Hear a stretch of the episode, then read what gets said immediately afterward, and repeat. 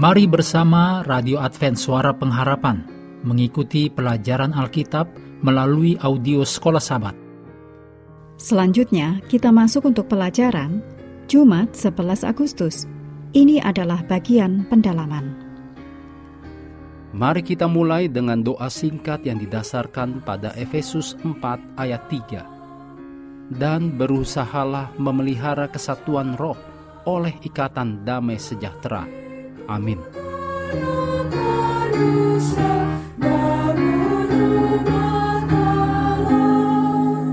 Dua catatan berikut ini membantu memperluas penyelidikan kita tentang Efesus 4 ayat 7 sampai 10.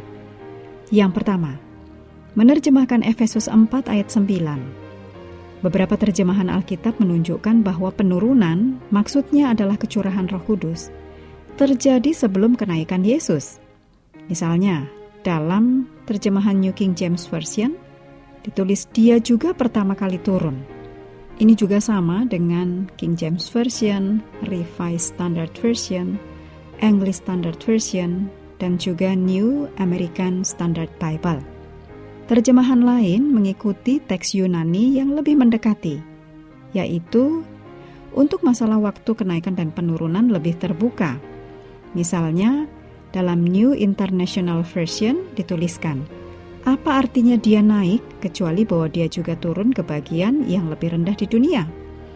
Hal yang sama diterjemahkan oleh American Standard Version, Holman Christian Standard Bible, Lexham English Bible, juga New Living Translation yang memungkinkan pandangan itu.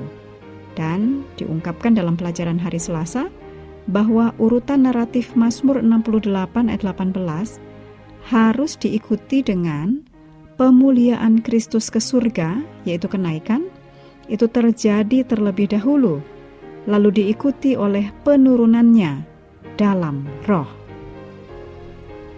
Yang kedua, memimpin tawanan yang ditawan.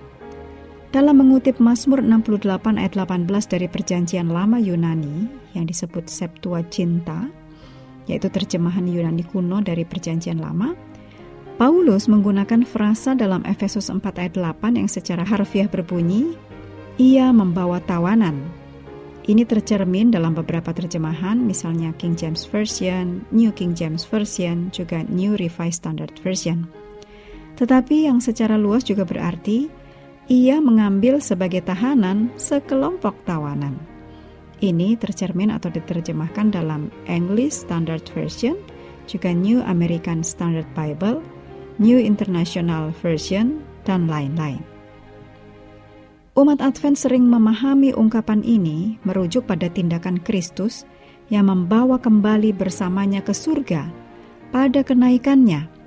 Mereka yang bangkit dalam kebangkitan khusus atau kebangkitan istimewa pada saat kebangkitan Yesus dicatat dalam Matius 27 ayat 51 sampai 53. Ini merupakan berkas gandum atau buah sulung dari yang ditebus, yang Kristus persembahkan kepada Bapa sekembalinya Kristus ke pengadilan surga. Penjelasannya, The SDA Bible Commentary Jilid 6 halaman 1022, juga Alfa dan Omega Jilid 6 halaman 491, Alfa dan Omega Jilid 6 halaman 436 dan 437. Atau, sesuai dengan Kolose 2 ayat 15, Bagian ini dapat dimengerti sebagai gambaran penaklukan Kristus atas musuh-musuhnya, yaitu iblis dan malaikat-malaikat jahatnya yang digambarkan sebagai tawanan yang dikalahkan. Berikut ini adalah hal-hal untuk diskusi. Yang pertama, bandingkan daftar karunia rohani dalam Efesus 4 ayat 11 dengan daftar dalam 1 Korintus 12 ayat 4 sampai 11 juga ayat 27 sampai 30. Selanjutnya dalam Roma 12 ayat 4 sampai 8 dan 1 Petrus 4 ayat 10 dan 11. Temukan dan diskusikan perbedaan dan persamaannya. Yang kedua, dalam kelompok diskusi, bicarakan tentang beberapa angin pengajaran yang bertiup di gereja dewasa ini. Perhatikan bagaimana Paulus mengatakan bahwa kita hendaknya tidak tertiup angin ini. Diskusikan cara-cara khusus agar kita dapat membantu melindungi diri kita sendiri dan orang lain di gereja dari kerusakan yang angin ini dapat timbulkan ke atas diri kita. Yang ketiga, Paulus menekankan tema persatuan melalui surat ke Efesus. Tetapi, apakah kita mencari persatuan dengan cara apa pun? Dengan kata lain, pada titik apakah keinginan untuk persatuan menjadi kebalikan dari apa yang diinginkan? Silakan didiskusikan.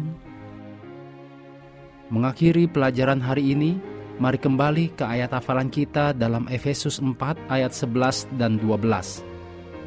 Dan ialah yang memberikan baik rasul-rasul maupun nabi-nabi, baik pemberita-pemberita Injil maupun gembala-gembala dan pengajar-pengajar untuk memperlengkapi orang-orang kudus bagi pekerjaan pelayanan bagi pembangunan tubuh Kristus.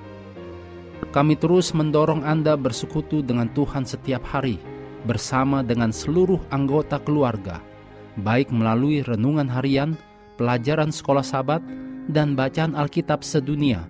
Percayalah kepada nabi-nabinya, yang untuk hari ini melanjutkan dari Mazmur 97. Tuhan memberkati kita semua.